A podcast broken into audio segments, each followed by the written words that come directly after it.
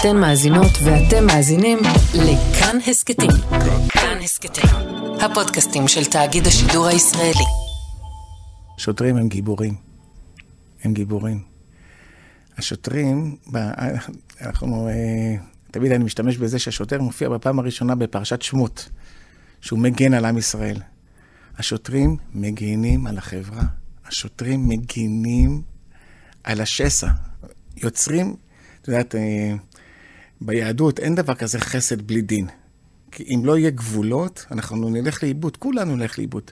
זה נכון ב, ביחס של האדם כלפי עצמו, זה נכון במבנה של משפחה, של זוגיות, זה נכון בקהילה, וזה נכון גם בצד הלאומי. אם לא יהיה לנו גבולות, אם לא יהיה מישהו שיהיה אחראי על הגבולות, אנחנו נלך לאיבוד. אבל למה אלימות? לא, זה לא אלימות.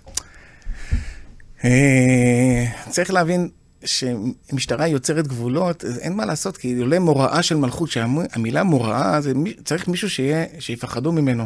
זה, זה העמדה של חז"ל. אילולא מוראה של מלכות, איש את רעהו חיים בלאו. אם לא יהיה פה מישהו שיפחדו ממנו, אם לא יהיה פה איזה גוף, איזשהו ארגון, שיהיה לו סמכויות, שאוכל להפעיל כוח שצריך, אנחנו נתפרק. אני תמיד אומר שהמשטרה זה עמוד התווך של החברה. עמוד התווך במובן הזה שאם אנחנו נצא מהפגנות, אוי ואבוי מה יהיה לנו בתוך החברה, אתם... ומצד שני עמוד התווך, אנחנו מתווכים, אנחנו יודעים גם לתווך. כשיש הפגנה של, אה, של אנשים שמאמינים בדבר אחד, ואנשים שמתנגדים להם מהצד השני, המשטרה עומדת באמצע, ואני לפעמים מסתכל על זה, ואני אומר, וואו, וואו, המשטרה מחזיקה את המדינה הזאת. שלום לכם, אנחנו שוב בהצפת, בפודקאסט המצולם שלנו בזמן הזה, שבו אנחנו מתבוננים על סוגיות אקטואליות מאוד בישראל היום, אבל במשקפיים של המקורות, של התנ"ך, של ספר הזוהר, של מדרשי חז"ל, והיום עניין מאוד מאוד אקטואלי, המשטרה, משטרת ישראל, איך היא פועלת. האורח שלי היום הוא רב המשטרה, ניצב משנה רמי ברכיהו. שלום. שלום וברכה. תודה רבה שבאת אלינו. שמחה, כבוד כולו שלי. מה עושה רב המשטרה? וואו, זו שאלה גדולה. אמ, ברובד הפשוט, הוא אחראי על כל צורכי הדת של אה, שוטרי משטרת ישראל, ממזוזות, אה, כשרות, חתונות, לא עלינו לצערנו הרב, לוויות של שוטרים. ומעבר לזה, אני רואה בתפקיד שלי כ...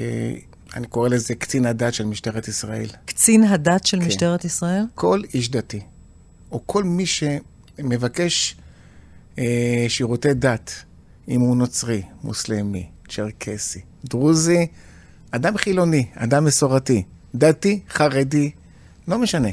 אני פה בשבילו. זאת אומרת, אנחנו מפתחים אה, תורה שלמה של הכרת כל הדתות וכל הגוונים של החברה הישראלית. אגב, זה, גם בגלל זה זה תפקיד מרתק, בגלל שאיפה יש הזדמנות לרב, לבוא במגע עם אנשי דת שונים, עם עולמות מגוונים ומרתקים, שבתוך החברה הישראלית אולי מנהלים איזשהי אה, מאבק פנימי. אנחנו כמשטרה, אנחנו אחראים על ביטחון הפנים, ואנחנו אחראים על שלום הציבור ושלום האזרחים. אני יכול לבוא במגע עם כולם ולתת שירותי משטרה, או לעזור, או לגשר, או לתווך את שירותי המשטרה לעולם הדתי. כי נזכיר שגם בתוך המשטרה יש, אה, יש שוטרים דרוזים ויש שוטרים צ'רקסים, ואתה בעצם אחראי על כולם, על כל, על, על כל הדתות ועל כל העדות שנמצאים בתוך המשטרה, וזה לא רק המשטרה, נכון? זה גם משמר הגבול, גם משמר הגבול. וגם יחידת המסתערבים. על מי עוד אתה אחראי? כולם. כל מי שקשור בעצם לאחריות של ביטחון הפנים של מדינת ישראל. שזה משטרה ושלוחותיה. אז בוא, אני רוצה למשל אה, לשאול אותך לגבי הפגנות בשבת. בכל מוצאי שבת יש הפגנות בקפלן. בתקופה האחרונה יש הפגנות בכל רחבי הארץ שמתחילות גם לתוך השבת. שוטרים יכולים, שוטרים יכולים להיות בתוך הפגנות בשבת? באים אליך בוודאי בשאלות כאלה. אין ספק. גם אגב, שוטרים חובשי כיפה? כן. אגב, יש גם הרבה שוטרים שהם לא חובשי כיפה, אבל הם אנשים שדתיים לכל דבר ועניין, שומרי שבת לכל דבר ועניין. ומה אתה עונה להם? ככה ש... זה אולי מתחיל, היסוד של הדברים הוא קשור לתפיסה מה זה ביטחון הפנים. מה זה ביטחון הפנים? זה משהו מאוד מורכב ומאוד עמוק. אה, אולי אני אעשה את התנועה הזאת, ביטחון הפנים. אה, אנחנו היינו עסוקים אה, קרוב ל-50-60 שנה בנושא, בהישרדות בעצם, המדינה רק קמה, ולכן הפוקוס היה תמיד הצבא, הפוקוס היה ביטחון החוץ, הפוקוס היה עם הפנים החוצה, כי כל השכנים שלנו ניסו לשלוח בנו יד, אבל מתברר אה, שאחרי 60 שנה, שאנחנו די בטוחים כאן, ואנחנו כבר אה, לא מאוימים. אין תרחיש צבאי של פלישת צבא לא לבנוני, לא סורי, לא ירדני, לא מצרי, לתוך גבולות מדינת ישראל. הסורים לא על הגדרות. אני כשהתגייסתי לצבא, אני הייתי חייל בטנקים, בחטיבה 188, והדבר שדיברו איתנו כאן, סורים על הגדרות. אין יותר את התחושה הזאת. טוב, לא, זה לא בטוח, אבל בוא, בוא, בוא נגיד שזה כך. התחושה האזרחית הזאת, בסדר? אוקיי, בוא נגיד שזה כך. יש יותר פתאום התמקדות במי אנחנו, בביטחון אוקיי. הפנים שלנו. כשאנחנו עוסקים בביטחון הפנים, זה אירוע אחר לגמרי, הוא הרבה יותר, הוא שונה מצבא. זה משטרה, פה נכנסת המשטרה. וכדי להתמודד עם ביטחון הפנים, אה, צריך גם מערכת הלכתית אה, שהיא מתאימה, כי זה לא בדיוק פיקוח נפש במובן הקלאסי של המילה. מה, ההפגנות בשבת? ההפגנות בשבת, אם לא נהיה שם, יהיה פיקוח נפש, ברור. אבל להגיד לך שזה כמו רופא שמחזיקים אותו בשבת למישהו שקיבל חלילה אירוע לבבי, לא, זה, אתה צריך להיות שם כדי שלא יקרה אסון, כדי שלא נידרדר מבחינה חברתית. איזה היתר הלכתי יש לדבר הזה? לכאורה זו שאלה לא פשוטה. אנחנו בעצם לא... עוסקים בהרתעה ובמניעה. אין מקורות הלכתיים שמתירים בשבת לחלל שבת בשביל מניעה או הרתעה, יש מקורות בשביל פיקוח נפש. עכשיו, פה זה לפתח שפה חדשה, שהיא בנויה על, על העולם הקודם, דהיינו, זה, זה חדש מתוך ישן. זה... כלומר, תסביר לי. אתה, אתה זה שצריך להחליט, זו סוגיה מאוד כבדת משקל. ממש. אתה אה, דתי לחלוטין, אתה גדלת על תורת הרב עובדיה יוסף, אחר כך גדלת על תורת אה, אה, הרב קוק, ואתה פתאום צריך לקבל החלטה כזו, שאתה מתיר לשוטרים לעבוד בשבת. אז בשורה התחתונה, בקצרה, איך הסברת להם את זה? מה אמרת להם? קודם כל, זה, את אומרת לעבוד בשבת, אבל כששוטר שואל אותי, אתה אחראי על העולם הבא שלי? עד כדי כך? עד כדי כך. זה שאתה אומר לי ללכת, אתה תהיה אחרי 120 שנה, תעמוד, תעמוד שם ותעזור לי, לי להתמודד עם זה, כי אני לא מבין למה זה מותר. אז קודם כל, אני, חשוב לי לומר שאני לא לבד. זאת אומרת, זה לא שאני, זה לכתפיים שלי, אני מתייעץ עם גדולי התורה של הדור. זה, זה, זה משימה של עולם התורה. זה לא משימה של הרב רמי ברכיהו, עם כל הכבוד לו. רגע, אני רוצה להבין, וגדולי התורה של הדור מתירים לשוטרים לעבוד בשבת? גדולי התורה של הדור, מנה... אני מנהל איתם שיח הלכתי. אגב, זה לא רק רבנים מהציונות הדתית, רבנים חרדים.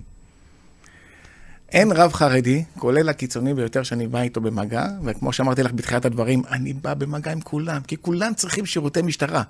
אז כל הרבנים בלא יוצא מן הכלל, כל מנהיגי הקהילות, מבינים שלמשטרה יש תפקיד חשוב, ומנהלים ברובד הדתי שיח עם רב המשטרה. אז בשורת... שואל אותם, אני שואל אותם, האם משטרה צריכה להיות בשבת? תשובה, חייבים, חייבים. אילולא מוראה של מלכות, איש את רעהו חיים בלאו, שזה משנה במסכת אבות.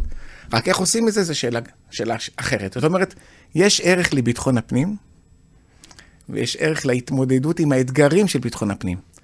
הפגנה היא ערך של הבעת אה, כן, כל אדם רוצה להביע את, את, את, את עולמו, את עמדתו, המשטרה צריכה להיות שם. אז השאלה היא לא אם, אה, אם זה מותר או אסור, אלא איך אנחנו נמצאים שם מבלי שאנחנו נרגיש שאנחנו מחללים את השבת, ומצד שני, אנחנו שם בשביל האנשים. הרב ברכיהו, זה, זה, בתקופה האחרונה זה קשה יותר להיות חלק מהנהגת המשטרה? כשמגיעות הטענות הקשות האלה על אלימות של שוטרים, ו- וטענות שמגיעות מציבורים שונים, כי זה לא הגיע רק מה- מהמוחים בקפלן, זה הגיע למשל גם מהחרדים. אתם עושים דיוני עומק סביב הדבר הזה? אתם שואלים את עצמכם איך לתקן, איך להתנהל באופן כל הזמן. אחר? המשטרה היא קשובה לאזרחים, היא קשובה לכל מה שקורה בחברה. היא בודקת את עצמה כל הזמן. אני לא אומר שאין שוטרים שמפעילים כוח שלא בצדק. כשאתה מתעסק ב... באלימות, בכוח, יש אנשים ש... שלא עומדים, לא מצליחים לעמוד בגבורה הזאת שאנחנו מדברים עליה. אבל המשטרה כמשטרה, כגוף, כל הזמן בודק את עצמו ושואל את עצמו, ובוחן את עצמו, ו... ודן, ו... ומלמד במכללה, וב... אז ואין... אני רוצה, אני רוצה לשאול אותך כבר שאלות מעשיות. שוטרי, שוטרים, שצריכים, ששואלים את, שואלים את אותך, האם לבוא עם מצלמת גוף ולהפעיל מצלמת גוף כשאני פועל כשוטר בשבת. ואני מזכירה שלמצלמת גוף יש משמעויות מאוד מאוד גדולות.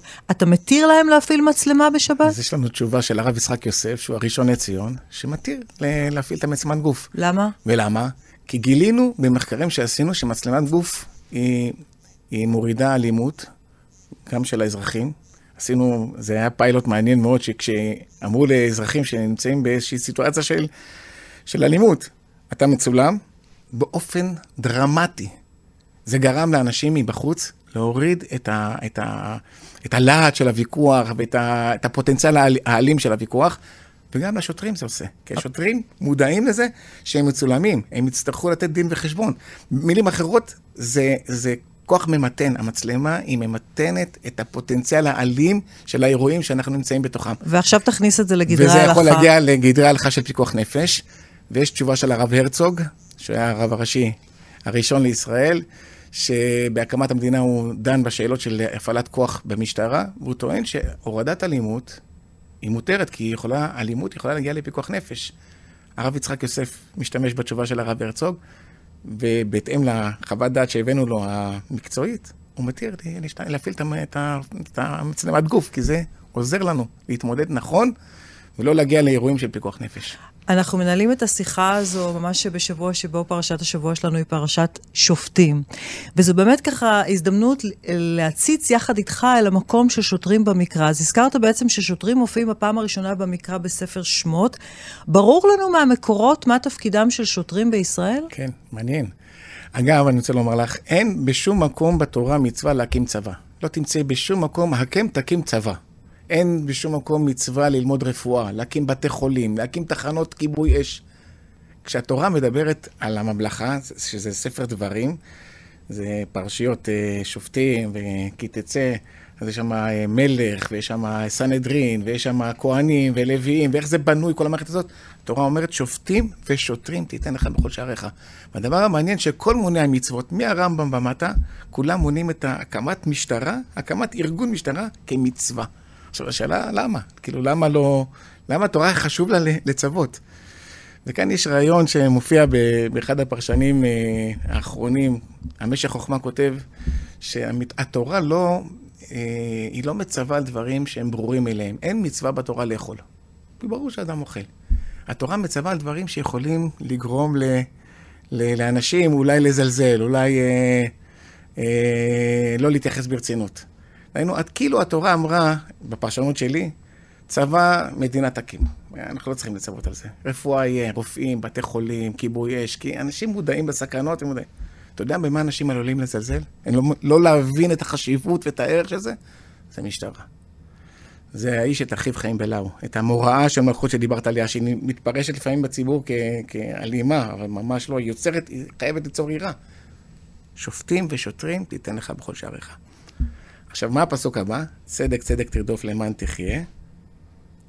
היינו, התורה אומרת, הפסוק הבא, זה לא תיקח שוחד, כי השוחד יעבר עיני חכמים ויסלב דברי צדיקים. צדק צדק תרדוף למען תחיה וירשת את הארץ. כאילו, בלי צדק ובלי משטרה, לא נוכל להישאר פה. הרב ברכיהו, איך התפיסה הזו שלך מתמודדת עם מצבים של שחיתויות בתוך המשטרה עצמה?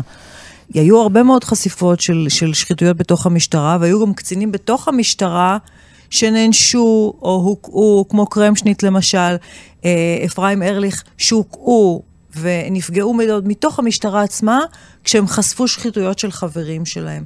איך אתה כרב מתמודד עם שחיתות בתוך המשטרה עצמה? קודם כל צריך לזכור שרוב רובם של השוטרים והקצינים והמפקדים הם לא כאלה, זו עובדה. אה, אלא אם כן תגידי מה שלא נחשף, אנחנו מכירים את האנשים, אנשים איכותיים, לא ישנים בלילות. פרשת האחים פריניאן.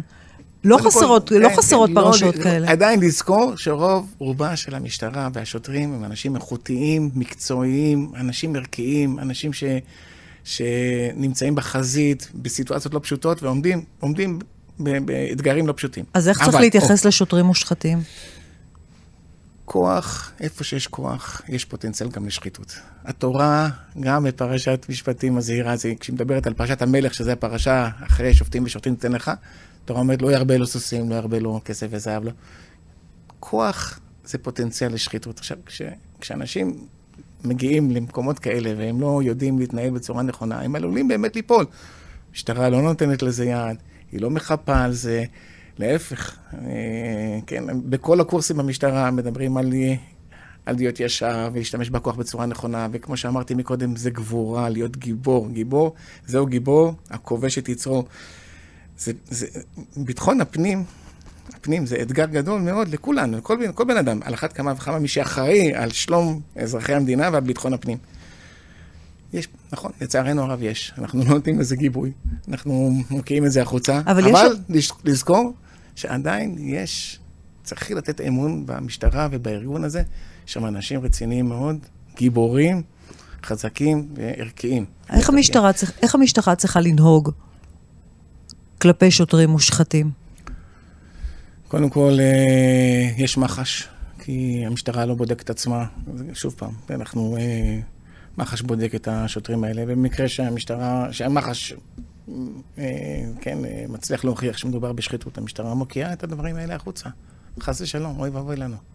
אני רוצה לחזור רגע לתקופה אחרת בחיים שלך. תקופה שאתה הרב של היישוב טלמון, שאתה גם מתגורר בו, אתה גם מתגורר בו היום? כן. כן. קודם כל מילה על הטלמון, התנחלות, נכון? באזור כן. בנימין? אזור בנימין, אה, הקם בשנות ה-90, שנות, סוף, סוף שנות ה-80, אחרי חמש שנים, אה, אני למדתי בישיבת ברכת משה מעלה דומים, ופנו לישיבה, רצו רב. אחרי חמש שנים של הקמת היישוב, נבחרתי כרב של היישוב. ושימשתי שם כרב כ-25 שנה בערך, עד שנבחרתי לרב של המשטרה. ואז, בזמן שאתה רב היישוב טלמון, מתרחש האירוע הנורא של חטיפת שלושת הנערים מהצומת בגוש עציון, ואחד מהנערים, גלעד שייר, בן היישוב טלמון. אמת. המשפחה שלו מתגוררת בטלמון, ואתה מלווה את המאבק הזה, מלווה את הקהילה הזו. אני מזכירה לכולם שהיו לנו ימים מתוחים עד שידענו מה עלה בגורלם הקשה מאוד, ואתה צריך להיות שם, כרב קהילה, בתקופה שמצד אחד מדובר בהתנחלות, מהצד השני, הרגשתם שכל עם ישראל מחבק אתכם? גם חלקים בעם ישראל שלא תומכים בהתנחלות? חד משמעית. הגיעו לטלמון אנשים שאמרו שמעולם הם לא חשבו שהם יעברו את הקו הירוק. אגב, אם אנחנו משווים את התקופות, התקופה ההיא הייתה תקופה של תרוממות רוח לאומית, חברתית, אנושית, קהילתית, ונתנה לדעתי אה, לכולנו איזשהו אה, מבט שלא נש... שאסור לשכוח אותו, שאנחנו שם, אחד בשביל השני, גם בתקופות קשות. כשהמשפחה באה ושואלת אותך, מי מנציגי הממשלה יבוא ללוויה? אז השם הראשון שעלה זה כמובן נפתלי בנט, שזה מאוד מאוד הגיוני. מדובר במשפחה דתית שמתגוררת בהתנחלות. כן.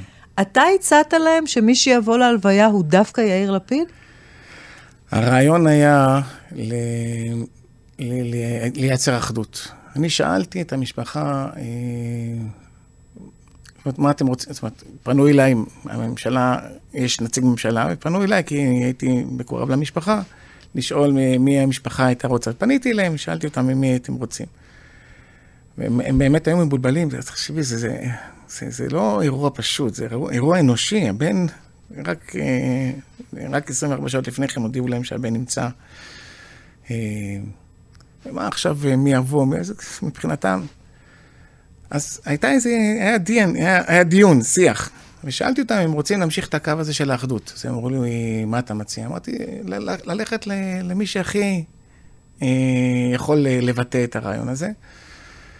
ואז עלה השם של יאיר לפיד. שמתנגד להתנחלויות בכלל. כן, אני חושב שהוא פעם ראשונה שהוא עבר את הקו הירוק, זה היה, או שהוא אמר, או שהוא לא חלם להגיע, בכל אופן, זה שהוא לא חלם להגיע לטלמון. ולמה רצית שיבוא יאיר לפיד ללוויה בטלמון? זה לאו דווקא יאיר לפיד האיש, אלא, אלא את מה, ש, את הציבור ש, שלא רואה בהתנחלות, אה, או באנשים דתיים, יכול להיות אה, משהו שהוא מזדהה איתו. ולא, ולבוא ולהגיד, אנחנו פה, זאת אומרת, זה, זה שאנחנו שונים בתפיסות, וזה שיש לנו אה, ערכים אולי אה, שאנחנו חלוקים עליהם, זה עדיין לא אומר שאנחנו לא אנשים שמחוברים אחד לשני, שאנחנו עם אחד. יש לנו מטרה אחת גדולה, ולפעמים כשאתה מבין שהמטרה הגדולה היא הרבה יותר גדולה לפעמים מה, מהמחלוקות שאנחנו מנהלים בתוך החיים הציבוריים שלנו, זה נותן כוח לכולם. אני חושב שזה נתן כוח. אני לא אומר שלא, שזה היה פשוט, כן? אבל יאיר לפיד הגיע ודיבר על, ה, על הארי הקדוש, שבתפילת שחרית אומר שלפני שמתפללים, יהי רצון שנקבל על עצמנו מצוות ואהבת לרעך כמוך. אני חושב שאנחנו צריכים להשתמש ברעיון הזה כן. גם בימים אלה, ולא לשכוח מי אנחנו ומאיפה באנו, ושיש לנו משהו הרבה יותר גדול. הרבה יותר גדול, שהוא מניע אותנו. אבל בשביל זה, הרב ברכיהו, המשטרה, הציבור רוצה אה, להרגיש שכל המשטרה, שהמשטרה מייצגת אותו, את כולו. וכמו שדיברנו קודם לכן, יש חלקים שיש להם טענות למשטרה, לחרדים בהפגנות של החרדים, עכשיו גם למוחים אה, אה, בקפלן, יש גם מפגינים מהימין, בהתנתקות היו טענות מאוד מאוד קשות אה, כנגד המשטרה. אני רוצה לשאול אותך לגבי משחקי כדורגל בשבת. כן. מה אתה כרב המשטרה עונה לכך? האם, האם שוטרים צריכים לאבטח משחקי כדורגל בשבת? כן, זה כן? ברור. אני תמיד שואל שוטר, מה יהיה אם לא נהיה שם?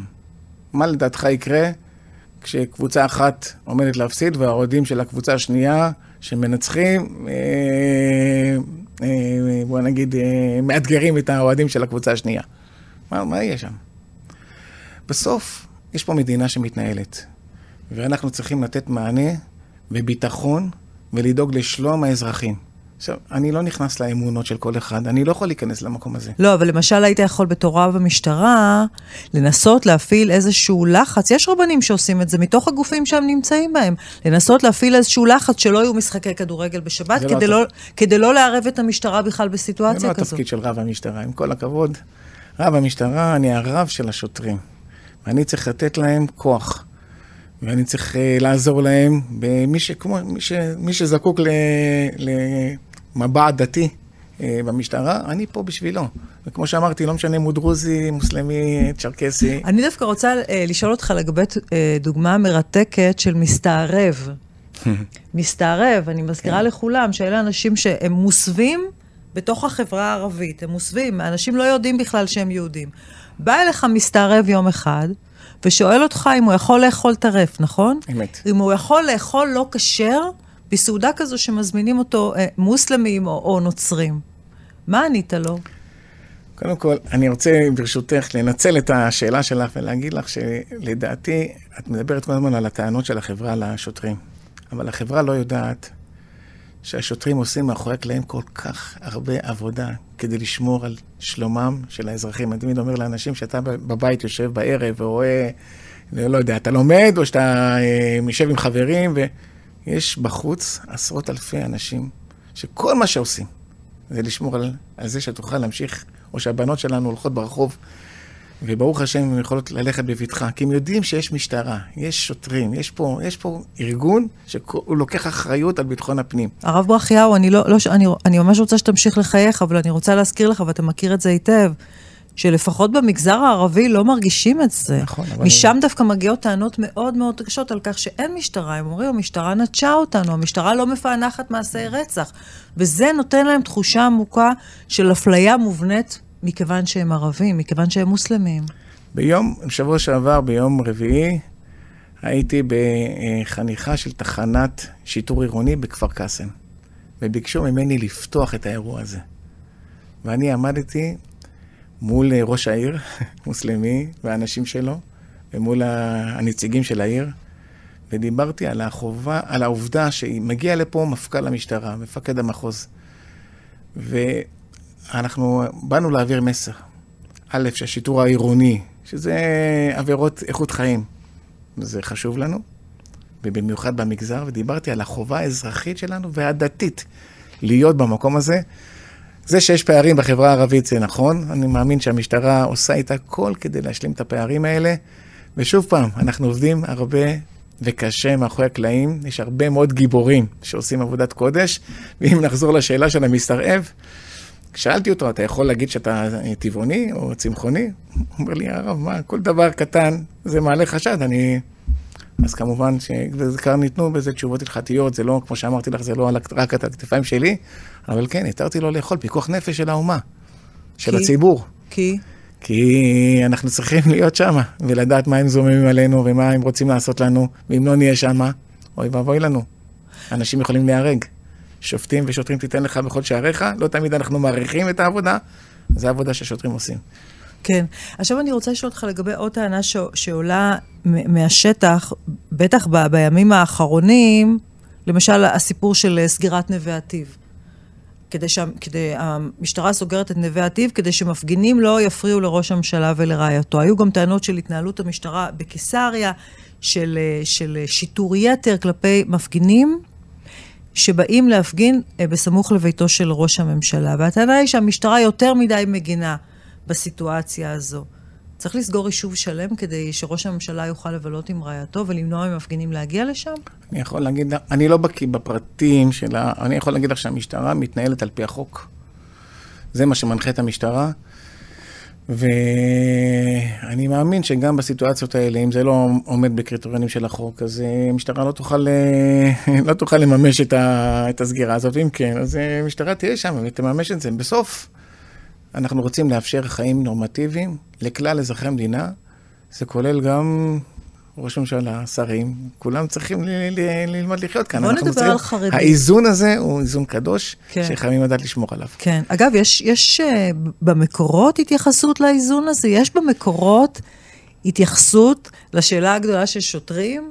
איך נוהגים שוטרים, או שאלה דברים שרב המשטרה צריך לחדש תוך כדי עבודה? אה, קודם כל, יש תשובות הלכתיות מעניינות אה, שנכתבו במשך הדורות מאוד מאוד אה, אה, ספציפיות. למשל? כי לא היה, לנו, לא היה לנו שיטור במשך אלפיים שנה, אבל היו שוטרים יהודים. הם לא התמודדו עם השאלות אה, של שבת, וזה אנחנו צריכים לפתח, אבל הם התמודדו עם שאלות אחרות. מה על, זאת אומרת שוטרים יהודים? איפה היו שוטרים יהודים? בכל מיני מקומות בעולם, בגלויות. היו כנראה שוטרים קהילתיים, שהיה להם כוח מטעם השלטון, לעשות עבודת שיטור. אה, כל מיני אה, סכסוכים ששוטרים אה, כנראה היו מעורבים בהם. אתה רואה בתשובות של הלכתיות לפני 700 שנה, 600 שנה, שמזכירים שוטר ודנים האם היה לו סמכות או לא היה לו סמכות. אבל באופן כללי, אני הזכרתי מקודם פרשת המלך. העובדה שלפני 3,500 שנה התורה ניתנה, ושם אנחנו יודעים מה היה מלך פעם. ובכל זאת התורה אומרת, לא ירבה לו. שלוש פעמים, וכתב לו ספר תורה, למה נזכור? לא ירבה לו, רק נזכיר, לא ירבה לו סוסים, לא ירבה לו. כסף וזהב ולא ירבה לו נשים. ישמור על צניעות. זה מלך, המלך, המלכות בישראל זה הבלנס הזה בין הסמכות שלך לבין המגבלות, כדי לא, לא חלילה וחס להסתחרר מהכוח. וגם שוטרים נמצאים במקום הזה. אז רגע, אני רב ברכיה, אבל אתה חייב לספר לנו על איזה מקור הלכתי אחד או שניים לכל מיני שאלות שניתנו לפני מאות שנים לשוטרים. אה, כן, זה מעניין מאוד. שוטר אה, שהיה שליח של בית הדין והיכה אה, מישהו, והמישהו הזה התלונן על זה שהוא היכה אותו יתר על המידה. השוטר? כן. הנה, נהדר. כן. אלימות משטרתית כן. על פי ההלכה. מאז ומעולם זה היה. אוקיי. כן. אז מה ההלכה עונה על זה? כי זה באמת זו, שאלה זה, של אלימות שאלה, משטרתית. אז כן, זו שאלה מעניינת ומרתקת, כי השוטר הוא בעצם שליח של בית הדין, והפוסק שם דן בשאלה... מה קורה כששליח בין בית הדין הגזים אה, את יודעת, בסוף, כשאתה מתעסק בכוח, אז יש, אה, יש את מה שאתה צריך לעשות כדי לעצור את האירוע, ויש את המכה הנוספת, שהיא מיותרת לפעמים. והיא אה, זה שבעצם הופכת את האירוע מאירוע שאני בא כשליח כדי לעשות סדר, לבין זה שעצבנת אותי, אני אתן לך את המכה הנוספת. זה כל כך דק וזה כל כך קשה. אני לא מאחל לאף אחד להיות שוטר, במובן, במקום הזה, שהוא צריך לפעמים להשתמש בכוח, וכן, הוא בן אדם.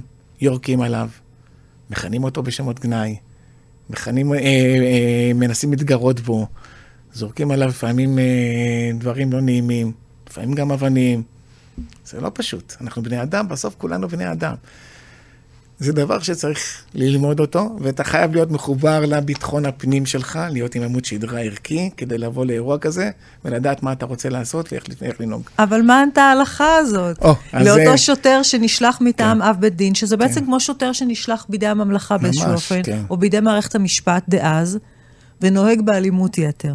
והנה, יש שאלה כזו לפוסקי הלכה. כן. מה הם עונים? המתח שם בתשובה, היא מעניינת מאוד. מה יקרה אם אנחנו נחליש את השוטר, את השיטור? זה, בסוף צריך לשקול עד כמה בסוף זה יגרום לשוטר לא לעשות את עבודתו מהחשש.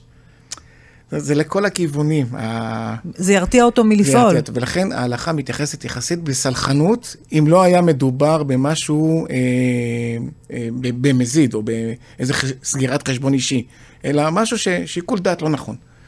בזה יש יחסית התייחסות סלחנית. בהלכה, בהלכה. בתשובות הלכתיות, אבל אם אתה חרגת, זה אפשר לזהות כוונה, או אה, שעשית את זה אה, בצורה, אה, הייתי אומר, לא מקצועית. צריך עיון, אה, כי לפעמים יכול להיות שהוא צריך עונש, כאילו, כי נהגת בצורה לא נכונה. הרב ברכיהו, אה, כמה חרדים מתגייסים למשטרה? זה קשה מאוד מאוד לדעת, כי אנחנו בגיוסים לא, לא מבקשים מאנשים אה, לסמן את עצמם כחרדים או לא כחרדים, אבל אני יכול להגיד לך שיש מאות שוטרים אה, עם אוריינטציה של מתחזקים, של חוזרים בתשובה, של, של חרדים, וזה אתגר באמת אה, חשוב למשטרה, כי המשטרה היא צריכה להיות משטרה של כולם. ואם חלילה וחס אה, שוטרים לא ירגישו בנוח בתוך הארגון שלנו בגלל שהם מאמינים, בגלל שהם חרדים, בגלל שהם...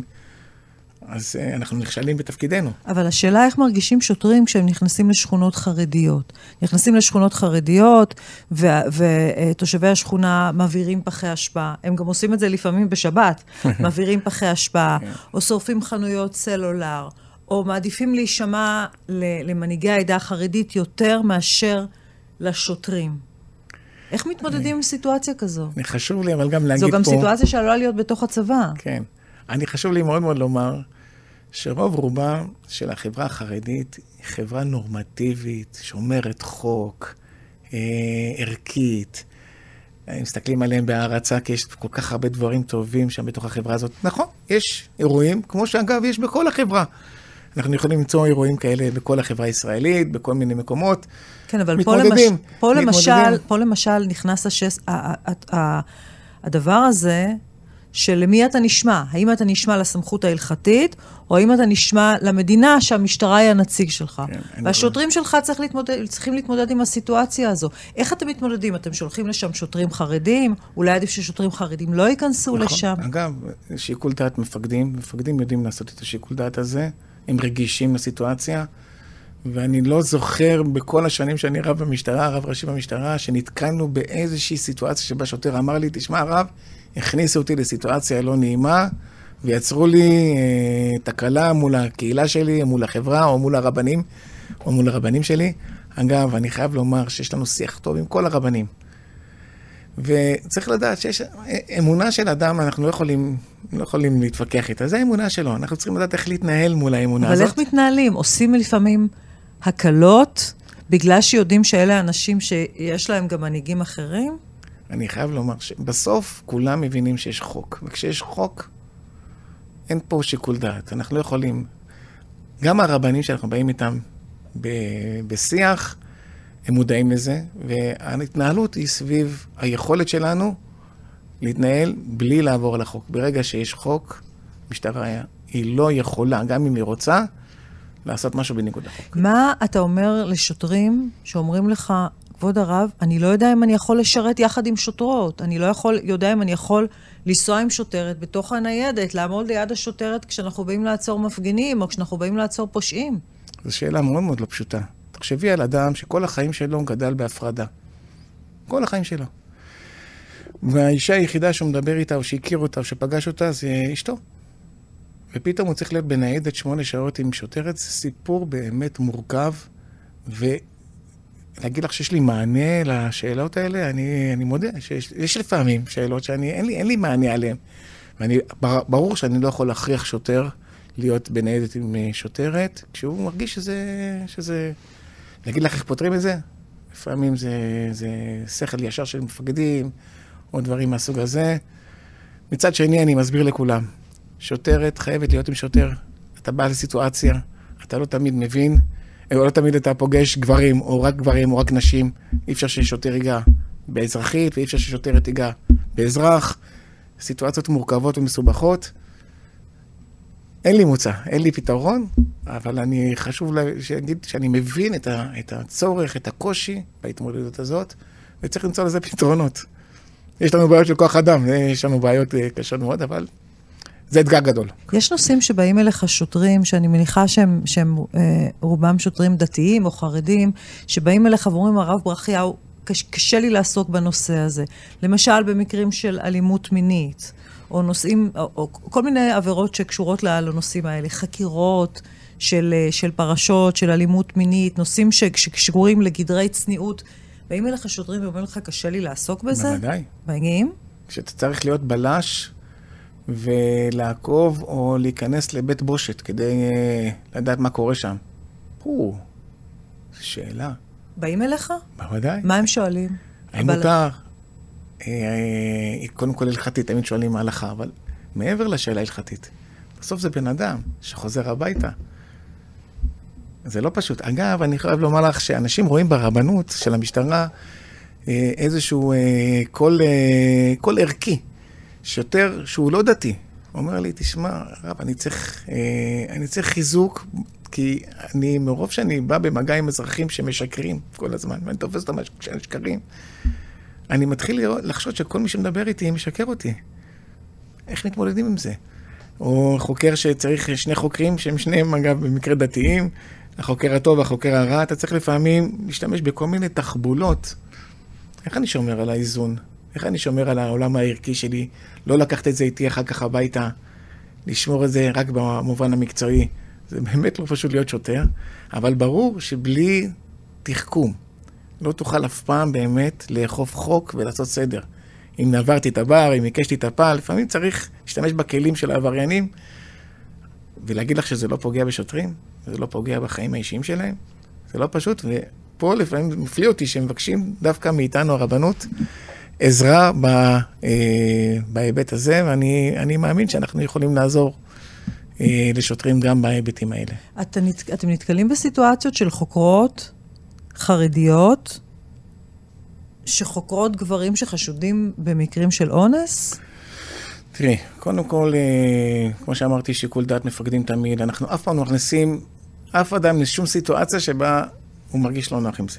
יש לנו חוקרות חרדיות, יש לנו עכשיו קורס במכללה של 20 וקצת יותר אה, חוקרות חרדיות מכל הארץ, שהן אה, כתובת, כתובת למשטרה מול העבירות שאנחנו אה, צריכים לחקור בתוך החברה החרדית, וכתובת בשביל החברה החרדית למשטרה, כי החברה החרדית יש לה קושי עם המשטרה, אבל כשהם רואים מישהו שזה דומה לעולם ש, שהם חיים אותו, שנמצא במקום הזה, הם יוצרים אמון. הם פונים אליהם ומבקשים עזרה מהם. ככה נוצר איזושהי מערכת יחסים שיכולה להביא עבירות שאולי לא היו מגיע, מגיעות למשטרה דרך החוקרות, ויכולות לעזור לנחקרים להיפתח דווקא לחוקרת חרדית ולא למישהו שהוא מבחינתם זר או חי תרבות אחרת ושונה משלהם. זה מגיע למצבים שחוקרות חרדיות חוקרות גברים שחשודים באונס? אין עם זה, אין עם זה בעיה הלכתית בסיטואציה כזו? לא, קודם כל זה הכל מצוין, הלכתית אין בעיה, כי זה מצוין, אין שם בעיה של, של ייחוד או משהו כזה. אבל לפעמים רק חוקרת חרדית יכולה להבין אה, דברים שאולי חוקר רגיל לא... היא מכירה את השפה. כשהיא חוקרת רב, שמשתמש בכל מיני הצדקות הלכתיות ומושגים הלכתיים, שאני לא רוצה עכשיו להרחיב את הדיבור עליהם, והיא אומרת לו, חוקרת חרדית, שאלתי את בעלי, הוא אברך בישיבה. הוא אמר לי שהמושג הזה שאתה משתמש בו לא שייך לסיפור הזה. אתה רוצה להגיד לי אולי למה אתה... למה עומד מאחורי זה? זאת אומרת, במילים אחרות, החוקות החרדיות הן, הן ערך מוסף לחקירות, דווקא לפעמים מול אנשים שיש להם חזות של רב גדול, ולפעמים מה שמסתתר מאחורי זה זה דברים אחרים. ראית חקירות כאלה של רבנים לא גדולים? לא ראיתי, אבל uh, קראתי חומרים כאלה, כן, בהחלט. ואיך אתה כאדם חרדי, כרב, כאדם דתי, סליחה, כרב של המשטרה, מתמודד עם סיטואציות כאלה שפתאום רבנים גדולים, אנשי דת, מנהיגי קהילות, ממש ממש מנהיגי קהילות היו כאן, פתאום מתגלים כעבריינים גדולים? שהגמרא אומרת, סדנא דערא חדו. במילים אחרות, הסדן של, ה, של העולם, הרצפה של העולם, היא בכל מקום אותו דבר. או בשפה שלנו, כולנו בני אדם. וזה שאדם יש לו אה, זקן ארוך וכובע, זה לא אומר שהוא, שהוא לא עבריין. עכשיו, זה יכול להיות מהרבה מאוד סיבות. הוא גדל, אה, פגעו בו, המון סיבות יכולות להיות לזה, אבל בסוף הוא מתחבא מאחורי חזות כזאת. אבל צריך לזכור תמיד, וזה מה שאני אומר לבלש הזה. רוב האנשים ישרים, והם דוברי אמת, והם אנשים ערכיים, ואנשים עסקנים, כל מה שמעניין אותם זה לעשות טוב ולהיות קרובים לאלוהים. זה שיש לפעמים תפוחים רקובים, זה לא אומר שכולם כאלה. תזכור את זה. כשאתה מדבר עם בן אדם, לא כל אחד מנסה לסבן אותך ולעבוד עליך ולשקר אותך. אנשים טובים, אנשים מדברים אמת. זה שאתה פוגש לצערנו הרב את, ה, את, ה, את התחתית של החבית של החברה, זה לא אומר שכל החבית היא כזאת. הרב רמי ברכיהו, ניצב משנה רמי ברכיהו, הרב של המשטרה, אני מאוד מודה לך על השיחה הזאת, תודה רבה. גם לך, ובהצלחה לכולנו. סיימנו עוד פרק של ההסכת בזמן הזה. מירב קדוש הפיקה על הצילום, העריכה והגרפיקה, שלומי אשר. טכנאי הסאונד רמי פליקס, על התאורה שלומי תורג'מן, שימי אביגד הוא מנהל התוכן. הפרקים של ההסכת בזמן הזה הם לא רק אודיו, הם מצולמים ואתם יכולים לראות אותם באתר שלנו או ביוטיוב. אם אתם מעדיפים להאזין, הפרקים זמינים בספוטיפיי ובאפל פודקאסט. אנחנו נשוב בקרוב עם פרקים חדשים ומרואיינים מרתקים שיחד איתם נצלול לתוך המציאות היום ונחזור עם תשובות מהתנ"ך או להפך. אני ליאת רגב, נשתמע.